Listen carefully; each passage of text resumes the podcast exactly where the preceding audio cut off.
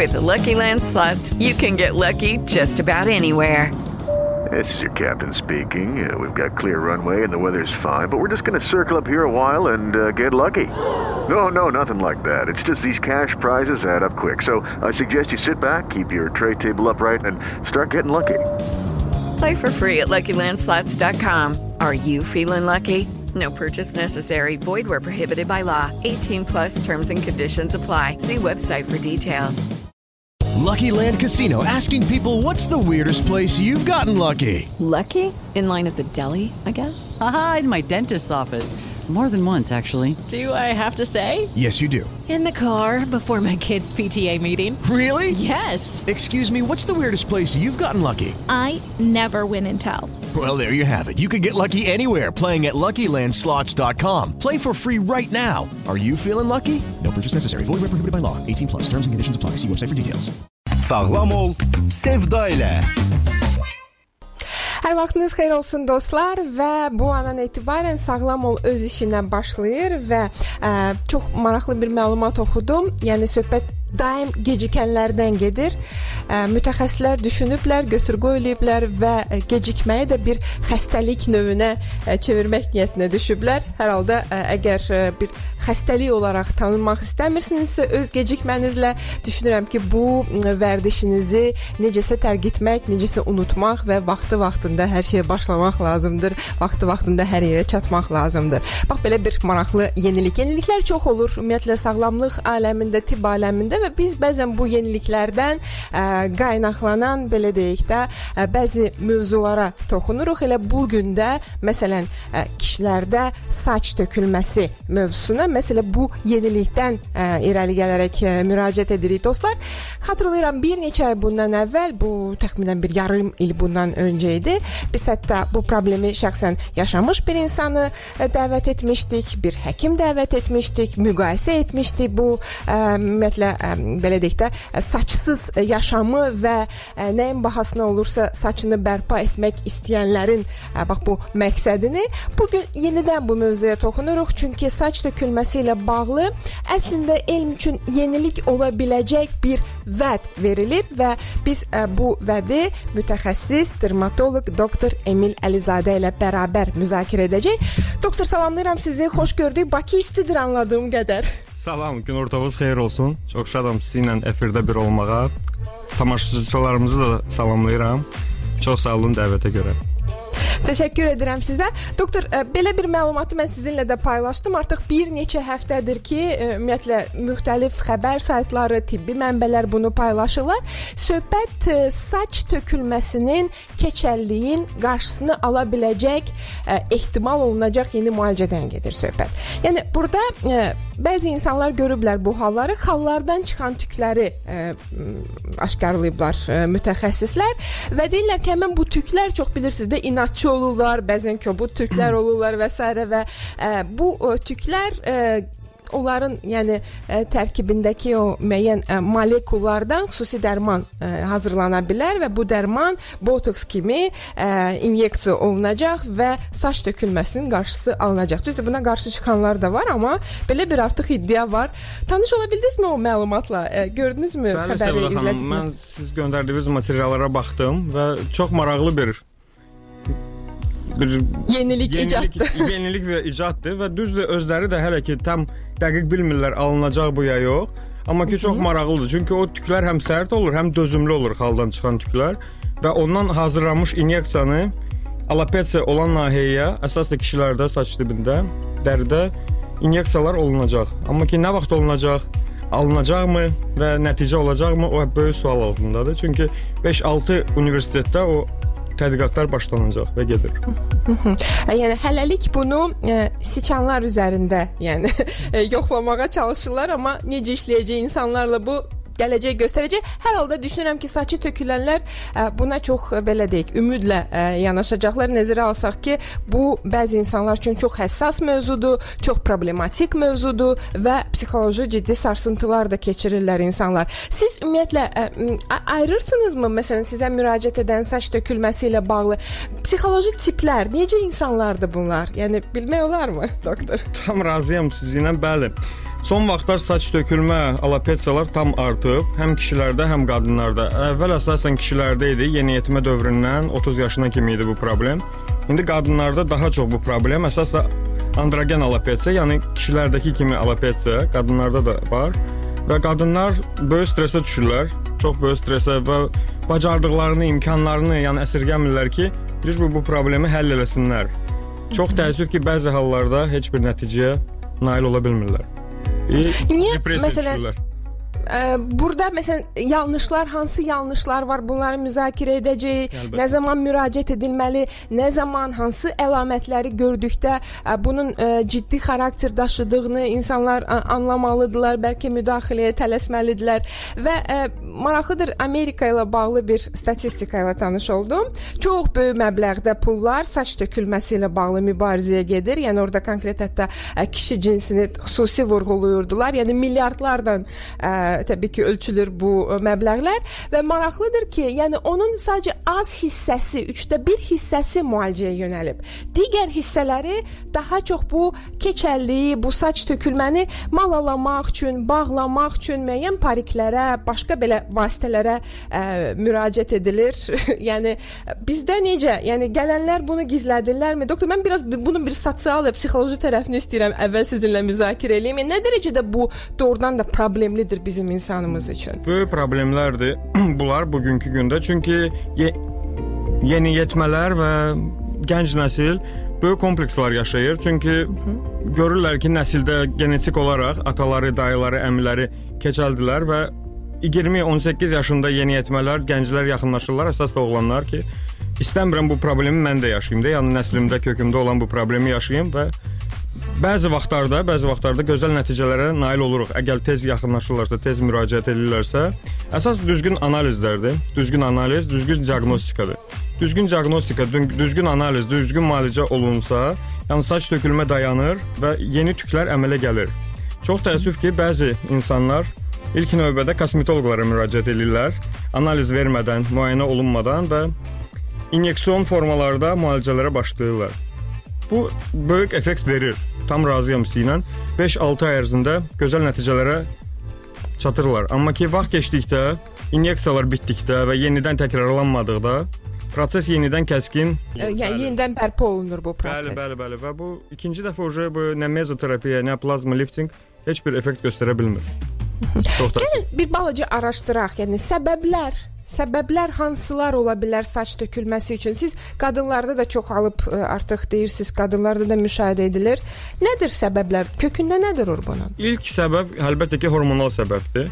Hormonal dəyişiklik yəni orqanizmdə belə bir hormon var, dehidrotestosteron, o testosterondan alınır və o çoxaldıqda saç başlayır tökülməyə. Saç hüceyrələri, saç folikulları folikulu saxlamır tük, tükü və atır çölə.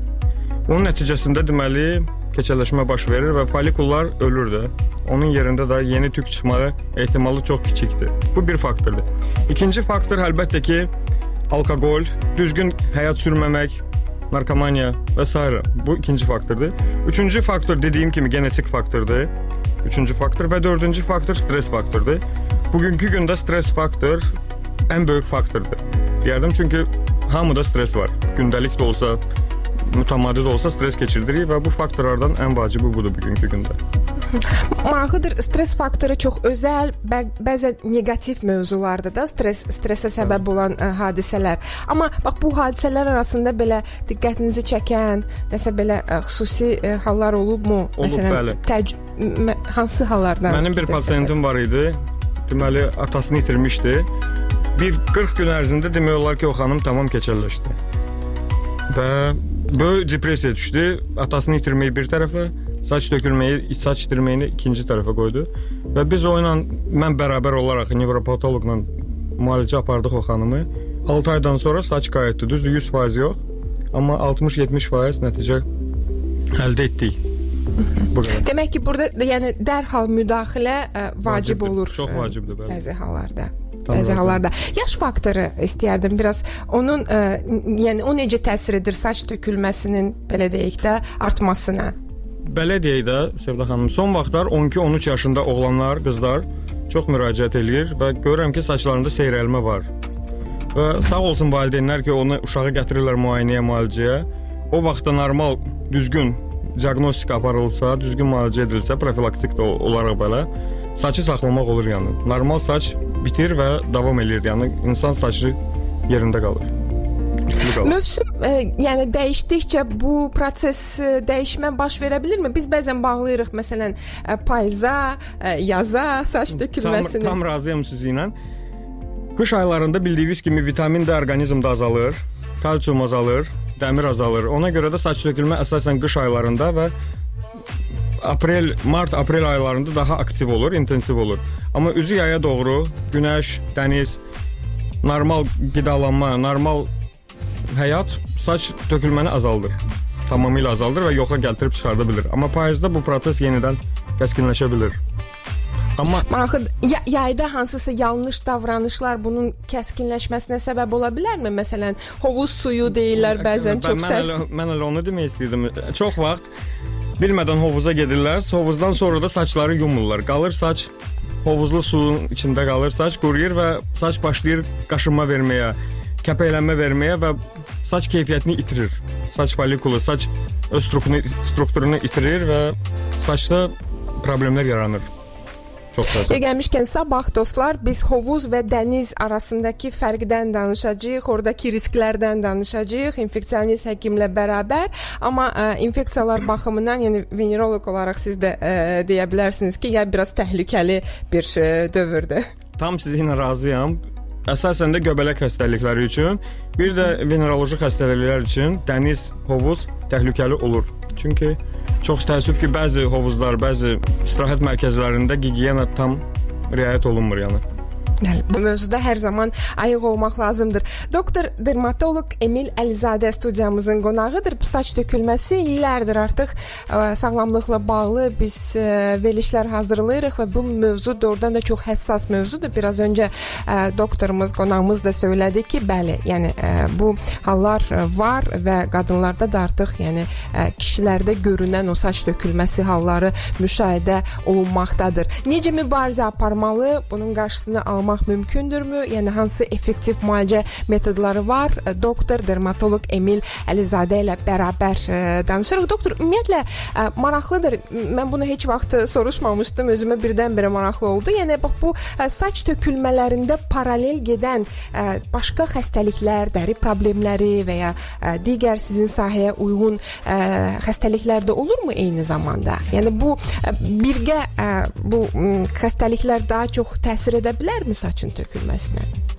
Tamamilə razıyam Sinə Sevda xanım. Əlbəttə ki, çox vaxt mən saç tökülməsi ilə məşğul olanda, yəni müalicə eləyəndə ya nevropatoloqla, ya endokrinoloqla paralel müalicə aparırıq. Çünki endokrinoloji problemlər daha çox olur. Bu zobdur, tiroiditdir, sonra şəkər xəstəliyidir. Bu xəstəliklər bu xəstəliklərdə daha çox saç tökülmə paralel olur və müalicəsi paralel aparılır. Yəni tək mənim müalicəm heç bir effekt vermir, çünki hormonal dəyişikliklər varsa, zobda ya şəkərdə, diabetdə heç bir effekt nail olmuruq. Eyni qaydada da nevropatoloqla müalicəmiz eyni olur, çünki çox vaxt stressdən, əsəbdən sinir problemləri yaşayan xəstələr saç tökülmə ilə paralel müalicə almalıdırlar da yəni. Hansı formalarda olur bu? Məsələn, ocaqlı saç tökülmələr olur bəzən Bəli. baş nahiyəsində. Mən Biz, istərdim biraz bu barədə də danışasınız. Ocaqlı alopesiya, yəni ocaqlı saç tökülmə əsasən deməli, yenə dediyim kimi, depressiya, stress birincidir. İkincisi də immun faktorlarıdır. İmmunitetin düşdüyündə, immun xəstəlikləri olduqda androgen, yəni ocaqlı ə, ocaqlı alopesiya daha çox baş verir yəni. Yəni koma ilə, yəni oval formada saç dibində və bədəndə tük olan nahiyədə saçlar başlayır tökülməyə və bu proses dayanmır çox təəssüf ki. Və çıxartdıqca bir yerdən tükü, o birisi yerdən yenə tük çıxır. Ona görə mütləq immunologiya ilə də məşğul olmaq lazımdır. Mən sizin ə, e, Instagram səhifənizdə maraqlı, çox faydalı belə paylaşımlarınız olur, həm də ə, e, foto şəklində təbii ki, daha aydın olur insanlara. Orda məsələn ev heyvanları ilə bağlı bax bu cür ə, e, ocaqlı tökülmə şəkli vardı. Ə, yəni izah eləyə bilərsinizmi? Bu necə əlaqəlidir ev heyvanları ilə? Edə bilərəm. Deməli bu göbələk növüdür, ya trichofitsiya, ya mikrosporiya xəstəliyidir. Əsasən pişiklərdə, itlərdə olur, amma xırda buynuzlu heyvanlarda da ola bilər. Və uşağa düşür, əvvəlcə bədənə düşə bilər, çox və bədəndə olur. Qırmızı yumru oval formada səpki baş verir. Valideynlər bilmədən sadəcə nəmləndirici, yəni başqa bir hormonal krem sürtürlər. Proses daha da böyüyür, kəskinləşir, güclü qaşınma olur və uşaq da bilmədən qaşıyır bədənini, sonra saç dibini qaşıyır və başlayır saçında yaranmağa. Əvvəlcə deməli yumru formada balaca bir qızartı olur, sonra qızartı böyüdükcə bütün orada göbələk tükləri qırır orada dibindən. O keçəlləşmə əmələ gəlir. Və bu keçəlləşmə qaldıqca böyüyür, böyüyür və proses kəskinləşir və böyük problemlərə gətirib çıxarda bilər. 5 il bundan əvvəl bir xəstəmiz var idi. Şəki şəhərindən idi, uşaq idi, 3 yaşında. Bütün başını göbələk yemişdi demək olar. Saçında saç yox idi da, saç dibində və biz böyük əziyyətlər çəkdik. Uşaq da əziyyət çəkdi, biz də əziyyət çəkdik. Hər ay onları şəkidən gətizdirirdim Bakıya və onu müalicə eləyirdik. Və səhifəmdə o şəkil var. Mən o şəkillə doğrudan da fəxr edirəm. Çünki uşağı yenidən həyata qaytardıq və saçını bacardığımız qədər saxladıq başında. Düzdür, ocaqlar var ki, orada keloidlaşma gedib, çapıqlaşma gedib, saç yoxdur, amma qız uşağıdır, indi uje 8 yaşı var. Və mən o qızla yenə deyirəm, fəxr edirəm və nailiyyətimizlə cərrahlar sağ olsun, kömək elədilər, irini prosesi tam axıra kimi sağaltdıq. Yer gəlmişkən bu ə, çapıqlar da artıq, yəni ömürlük problem deyil. Düşünürəm, düşünürəm ki, artıq müasir tibbdə onların da öhdəsindən gəlmə, hətta ora saç köçürülmə bəzən yəni eşidirəm ki, olur, oradan da saçı təzədən bərpa etmək mümkün olur. Varmı belə bir şey? Bəli, şükür Allaha bugünkü gündə hormonal istifadə etdiyimiz inyeksiyalar çapıqlaşma ilə çox qəşəng mübarizə aparır. Çapıqlaşma oturduqda, yəni sakitləşdikdə sonra lazer üsulu ilə və azot azot üsulu ilə tam çapığı götürmək olur. Amma saç dibində əgər çapıq çapıqlaşma varsa, nadir hallarda orada tük tuta bilər, yəni əkdi əkdi transplantasiya olunduqda tük folikulora bəzi hallarda tutur, saç bitir, bəzi hallarda attarjeniya verir, yəni təzədən atır folikulu. Hər halda ə, biz biraz əvvəl yəni normadan artıq saç tökülməsi varsa, yaxşı olar ki, həkimə vaxtında müraciət edin, başqa vasitələrə, ə, düzgün olmayan istiqamətlərə getməyin dedik. Bir dinləyicimizin sualı var. Ə, suallarınızı dostlar 055 255 0104 nömrəsinə göndərə bilərsiniz.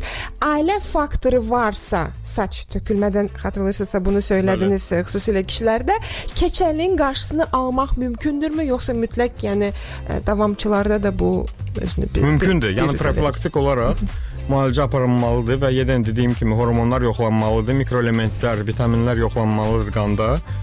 Və əgər tam keçəlləşmə yoxdursa, folikullar ilk növbədə trixoskopiya olunmalıdır. Yəni dermatoskopiya ilə trixoskopiyada saç dibindən baxılma baxılmalıdır mikroskop altında və bilinməlidir orada folikul yaşayan folikul varmı, folikul hüceyrəsi ya yoxdur. Əgər yoxdursa, orada tük çıxa bilməz orada transplantasiyadan başqa üsulu ilə. Əgər varsa, müalicə ilə, yəni losyonlarla və düzgün şampunlar seçildikdə saç qala bilər. Yəni qalır saç və keçəlləşmə olmur. Belə xəstələrimiz çoxdur. Hər halda ə, bunu nəzərə alın ailəsində, yəni bu cür faktor olan insanlar ə, düşünürəm ki, bu ə, st bunu stresslə qəbul edənlərin davamçılarında da bu stres yaşanıla bilər, yəni ən azından qarşısını almaq mümkündür. Ə, belə bir mesaj var. Əslində dinləyicimizin yaxşı yumor hissi var, amma bir tərəfdən də çox ciddi sualdır. Keçəl başa necə qulluq etməli yazır dinləyici. Əslində ə, yəni ola bilər deyilmi? Yəni saç bizdə bizim müdafiəmizdir. Yəni saç olmayanda, yəni Tam razıyam Hüseynə. Saç ilk növbədə müdafiə orqanıdır, belə deyək. Yəni günəşdən qoruyur, yağışdan qoruyur, zədədən qoruyur və saç olmadıqda gərək mütləq saçı günəşdən qoruyasan, çünki çox vaxt dəridə yanma olur, dəri soyulması olur və dəridə böyük fəsadlar yarana bilər, yəni günəşdən, soyuqdan. Ona görə keçəl adamlar papaq taxsalar daha yaxşıdır, yay qış papağı.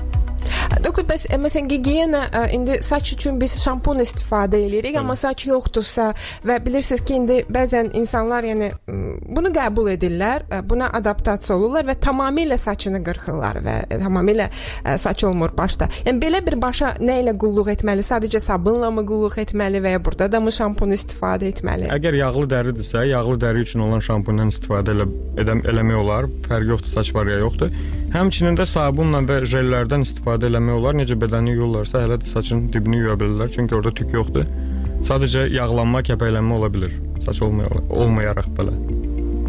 Maraqlıdır. Bu gün ə, müasir düzdür belə tam özünü ə, isbatlamış belə məlumatlar yoxdur, amma bəzən ə, müasir yuyucu vasitələrin bu bədən qulluq ə, vasitələrinin təhlükəsi barədə danışırlar ə, mütəxəssislər. Onlar da saç tökülməsinə gətirib çıxara bilərlərmi? Varmı belə? Nələrə fikir vermək lazımdır məhsulları alarkən? Bəzi şampunlar var, tərkibində hormonlar da var.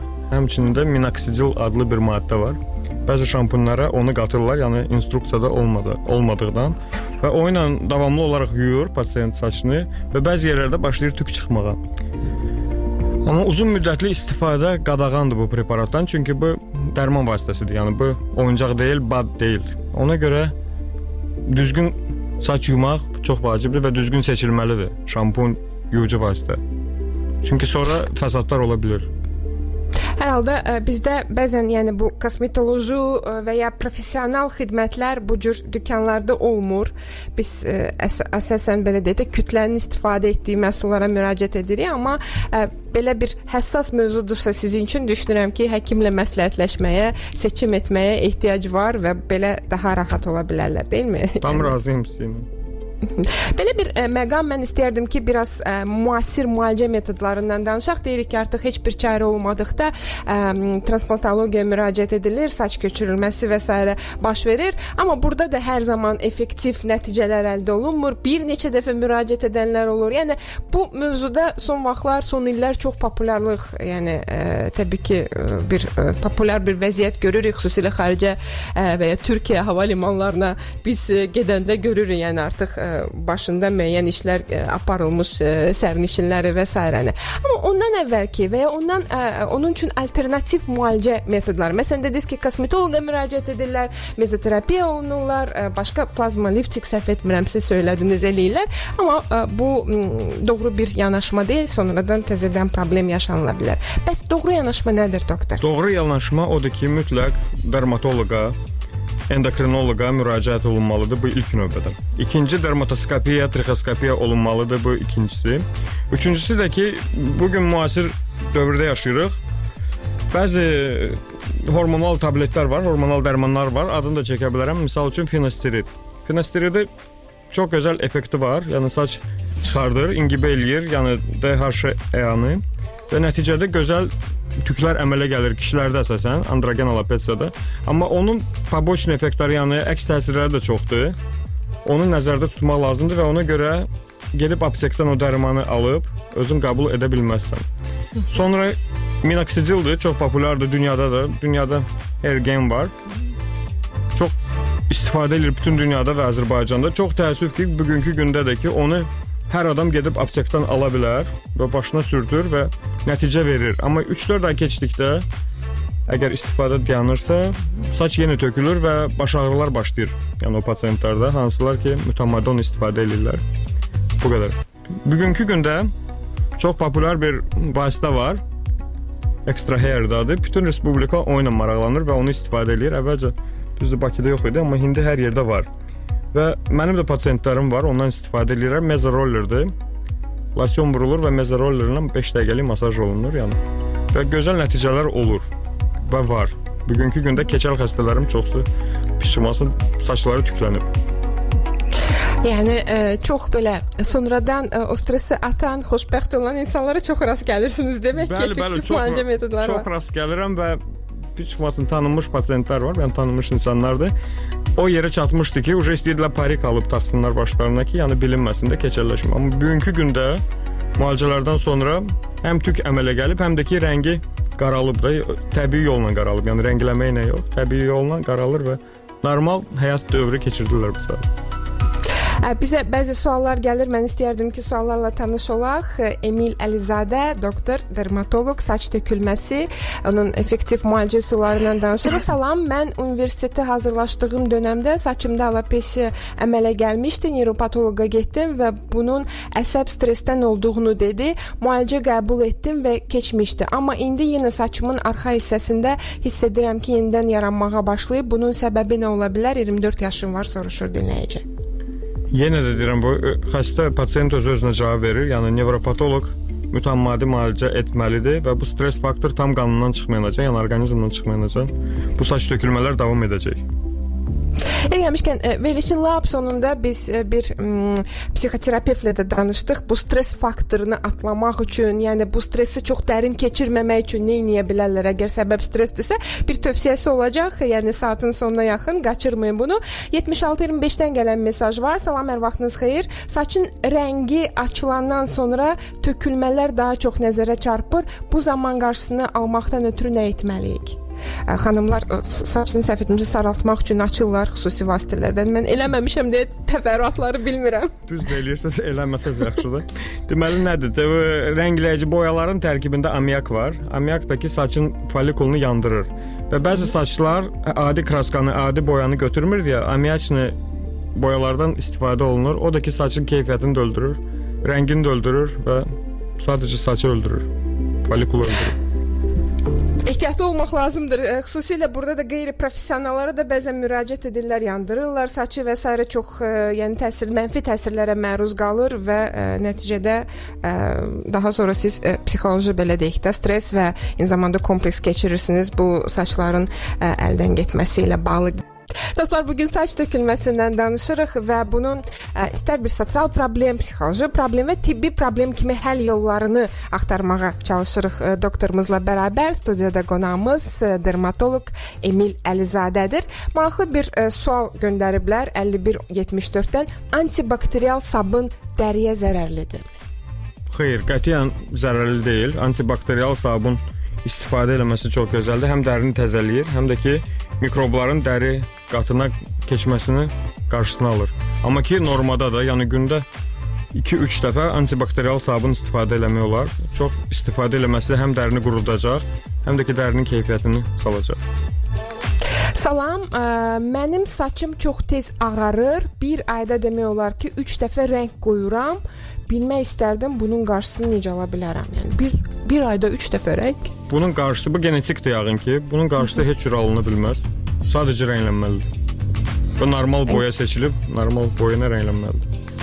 Məsələn, mən xaricdə çox müşahidə edirəm. Yəni insanlar bu e, süni, kimyəvi vasitələrə bəzən qarşı olurlar. Tam təbii belə deyək də, e, yol seçirlər, e, vasitələr seçirlər və ağ saçlarını qəbul edirlər və sadəcə ağ saçlarla gəzirlər. Baxmayaraq ki, çox gəncdirlər. Sadəcə ağ saçları e, həmişə formada saxlamaq, yəni qaydada saxlamaq lazımdır ki, səliqəli görsənsinlər. Tam razıyam sizinlə. Çox təəssüf ki, bugünkü gündə ağ saç bir kompleks hələ bil ki yaşanılır insanlarda və qadınları qoyaq bir kənara, bugünkü gündə kişilər də çox boyadan istifadə edirlər və çox məmnun özlərini hiss edirlər. Lap yaxşı. Olsun. Bəli, kişilər də saçlarını boyurlar. Hələ xına qoyan vaxtları da var idi, elə indi də qoyurlar bəzən. Ə, yəni xüsusi xalqlarda bu böyük bir ənənədir. Yəni məsələn görürsən bəzən Hindistanlılar bunu çox istəyir. Hətta saqqalına da, saçına da. Tam razıyam. Çox... Hindistanlılar, Pakistanlılar, İran, Bəli. İran qonşularımız çox sevirlər bunu təbii boyadır necə deyirlər. Daha bir sual var. 45-63-dən gəlir. Deyirlər ki, gün ərzində 100 tükün tökülməsi normaldır. Ümumiyyətlə saçımın normadan çox tökülməsini evdə necə müəyyən edə bilərəm? Yeni bilim, yəni bilim ki, müalicəyə ehtiyac var ya yox soruşur. Bildiyimiz kimi insan başında 100 100 min 150 min arası tük var. Yəni 70-150 arası saç tökülmə gündəlik onu həm yumaqla, həm saç qurutmaq vaxtı ilə saysaq, 70-150 arası saç tökülmə normal sayıla bilər. Nəzərə alın bunu, darağınıza fikir verin, ətrafa fikir verin necə deyərlər? Tam razıyam sizinlə. Düzgün daraq, düzgün yəni saça qulluq böyük bir vacib bir məsələdir. Çünki nazik ağızlı daraqlar saçı tökür və saçı zədələyir. Saç dibini də zədələyir. Ona görə daraq da çox vacib bir məsələdir. Saça qulluq. Mən təxmin edirəm ki, saçla bağlı suallar çox olacaq ə, e, doktor. Hətta baxmayaraq ki, xüsusilə nahar fasiləsidir hal-hazırda, amma həssas mövzudur. 27-15-dən gələn bir mesaj var. Salam, mən minoksidil istifadə edirəm. Bilmək istəyərdim ki, müddəti nə qədərdir? Əks göstərişləri varmı? Əks göstərişləri dediyim kimi, bayaq mən bu suala qayıt dönmüşdüm. Minoksidil maraqlı molekuladır, maraqlı bir vasitədir və saçı doğrudan da gətirir. Əsas da kişilərdə istifadəsi vaxtı saç tökülmənin qarşısı alınır və yeni tüklər əmələ gəlir. Amma həkimsiz, yəni öz-özünə, öz başına istifadə eləmək əks təsirlər edə bilər. Baş ağrısı xəstələrin var ki, güclü baş ağrı ilə müraciət edirlər. Soruşanda anamnezdə görürəm ki, minoxidil istifadə ediblər uzun müddət. Ona görə Doktor ilk e, getmək, yəni e, ilk olaraq kimə müraciət etmək lazımdır? Məsələn, biz indi e, trixoloq ixtisasını da, peşəsini də eşidirik. Yəni dermatoloq və trixoloq arasında nə e, fərq var? Sadəcə dermatoloqa müraciət etmək kifayət eləyirmi? Yox, belə deyək də. Отдельно trixologiya adlı bir elm yoxdur. Trixologiya dermatologiyanın içindədir. Bəzi mütəxəssislər bu yolu seçirlər və trixologiya ilə məşğul olurlar və gözəl nəticələr nail olurlar. Azərbaycanın Bakıda, Azərbaycanda güclü trixoloqlarımız bugünkü gündə var. Transplantoloqlar yox, immunotrixoloqlar və qəşəng qəşəng nəticələrə, qəşəng effekti görə bilirəm də, yəni səmimidirəm. Nə yaxşı, kolleqalarınızla belə deyək də, yəni e, e, fəxr edirsiniz, yəni ən azından e, bunu qəbul edirsiniz. Bu çox gözəldir. Kollegiallıq e, xüsusilə həkimlər arasında xoşa gələn bir haldır e, və e, bunu da biz e, belə deyək də təqdirə layiq hesab edirik. E, əvvəllər biraz e, fərqli belə deyək də yanaşmalar vardı, fərqli e, metodlar vardı, e, müalicə e, növləri hər kəs öz təcrübəsinə görə bəzən qərar verirdi müalicə, amma e, müəyyən protokollar var dünyada və s. və mən bilirəm ki, siz sübuta dayanan ə, tibb ə, belə deyək də tibbi dəstəkləyən mütəxəssislərdənsiniz doktor, amma Türkiyə çarə də Azərbaycanda çox ə, məşhurdur. Məsələn, ə, saç tökülməsi deyəndə ə, müəyyən ə, məhlullar yada düşür, acı biber və ya sarımsaq kimi məsələlər. Yəni bu nə dərəcədə ə, özünü doğrudan, doğrudan da təcrübədə görürsünüzmü? Hər hansı bir effekti varmı bu vasitələrin? Tam razıyam sizinlə yenə Səbah xanım. Deməli, sarımsaqdır, acı biber nastoykasıdır yəni. Onlardan istifadə eləyirlər. Eləyirlər kəndlərdə, rayonlarda, bölgələrdə və effekti var. Əgər yüngül saç tökülmədirsə, bəzi yerlərdə dərəcə o saçlar tamamilə bərpa olunur. Amma ki bəzi vaxtlarda da acı biber ekstraktını istifadə edirlər, saç dibində yanma baş verir və dərini yandırırlar. Bu arada ikinci dərəcəli problemlər yaranır. Saç çıxma qalır bir tərəfdə, keçirik dərini müalicə eləməyə. Əslində mən bu gün biraz da günəşdən, dəridən danışmaq istirdim, amma saçla bağlı doğrudan da bir, yəni e, çox sayda e, mesajlar gəlməkdədir, suallar gəlməkdədir. Doktor Emin Əlizadə studiyamızda qonaq olanda həmişə belə olur. E, dermatoloq doktor Emin Əlizadə ilə söhbətimizi davam etdirək. 8943-dən gələn mesajdır. Salam, mənim 39 yaşım var. Saçıma bu vaxta kimi rəng qoymamışdım. Bu yaxınlarda arxa tərəfdən 3-5 telin ağardığını görüb saçıma ümumi rəng qoydum və indi görürəm ki, qabaq hissədən saçım ağarmağa başlayıb. Bu vaxta qədər belə bir şey olmamışdı. Bu rəngdən ola bilərmi? soruşur demək. Yox, deməzdim rəngdən ola bilər. Bu sadəcə təsadüfdür və bu normal bir prosesdir, yəni. Yaşla əlaqədar saç saçlar başlayıb ağarmağa. Burada heç bir boya ilə heç bir Əslində tam yəni sübuta yetirilməmiş sadəcə bir həyat müşahidəsidir, təcrübədir. Yəni boyaya başladıkdan sonra sanki saçlar daha çox ağarmağa başlayır, daha çox belə bir yəni müşahidə var. Bilməm nə dərəcə ola bilər. Ola bilər. Xanımlar bunu ə, e, çox yaxşı bilirlər. Doktor bir sual var. Ə, e, bu əslində pigment ləkələrlə bağlıdır. İndi yaydır ə, e, risk belə deyək də var bu cür pigment ləkələri üçün 43-31-dən. Pigment ləkələri üçün hansı yeni müalicələr var? Dodağımın üstü qaralıb, ə, keçən il ə, avqustda dənizdən sonra belə oldu. Əsasən Türkiyə çarələr etmişəm, amma keçmir. Bu yay isə üzümü qaralmaqdan qorunmuşam. Belə deyək də, yəni pigment ləkələr əsasən yay aylarında bizim ölkə isti günəşli ölkə olduğundan yarana bilir. Ona görə əgər nəsə sklonus varsa pigment ləkələrinin yaranmağına mütləq güclü SPF-lərdən minimum 50 plus istifadə olunmalıdır və qorunmalıdır. Götürülməsinə qalanda payız-qış aylarında, yəni müasir lazer üsullarımız var, onu müalicə etmək üçün.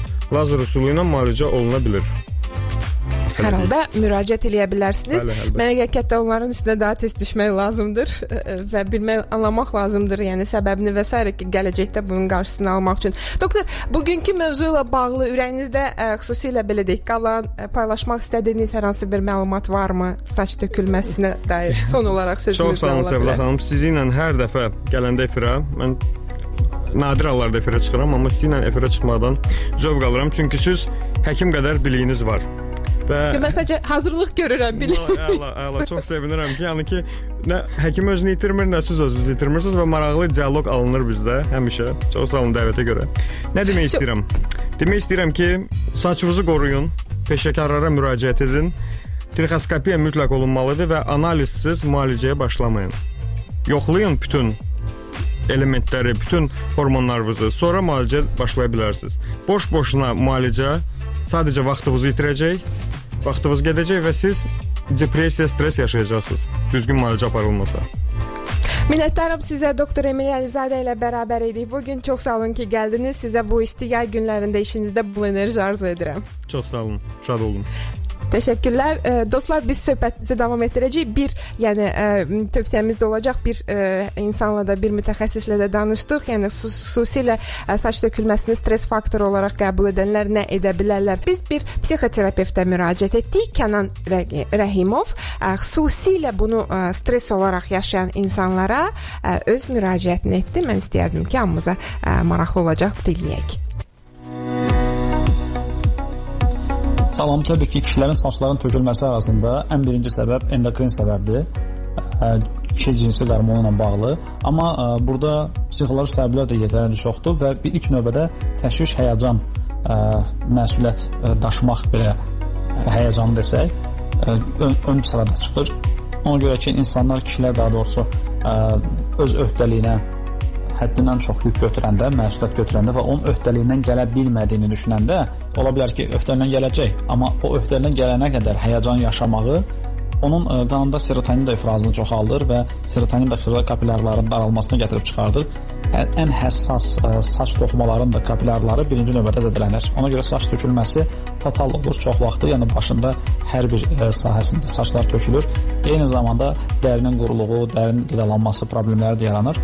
Amma ə, bunun aradan qaldırılması üçün gərək bu insan birinci növbədə məsuliyyəti özlərinə çox götürməsin ya da öz üzərinə götürdüyü məsuliyyəti yalnız daşıya bildiyi məsuliyyəti götürsün. Ya da ki, ə, həyat elə şərait yaradıbsa ki, məsuliyyət götürməlidir, qaçınılmaz bir durumdur və bu ondan başqa heç kəs yoxdursa, ən qısa zamanda ən yaxın tanıdıqları insanlara, hətta qonşulara, tək qohumlara deyil, ə, qonşulara, dostlara müraciət edərək bu məsuliyyəti paylaşmağa dəstək olmaqlarını dəvət etmək çox önəmlidir. Kimlər ki, bu kommunikasiyada, ünsiyyətdə kimdənsə köməyi xahiş edə bilmirlərsə, çox vaxt özlərinə götürürlər, mən, mən, mən deyirlər. Çox vaxt onlar sonra o işin öhdəlindən gəlməmək həyəcanını yaşayırlar. O işi axıra çatdırana qədər hansı bir məsuliyyəti yekunlaşdırana qədər deməli bu stressi yaşadıqlarına görə saçları da tökülür və digər fəsadlar olur təbii ki. Təşvişdən yaranan təzyiq də problem olur, şəkər də arta bilər, Kömək istəməkdən çəkinməyin, hörmətli insanlar. Necə deyirlər, stres faktoru həmişə var idi, qədimdə də vardı. Sadəcə qədimdə insanlar ova çıxırdılar, qaçırdılar, başqa cür çıxarırdılar, amma biz stresi yaşayırıq və içimizdə saxlayırıq, boğuruq. Ona görə də o da bəzən belə xoşa gəlməz, yəni xəstəliklər və problemlərlə özünü göstərir. Dəyişək stressə münasibətimizi, o qaçınılmazdır, amma onu qəbul etmək və başqa ə, çıxış yolları tapmaq və ya başqa cür, yəni həyata davam etmək lazımdır. Özünüzə yaxşı baxın, sabah eşidilərik.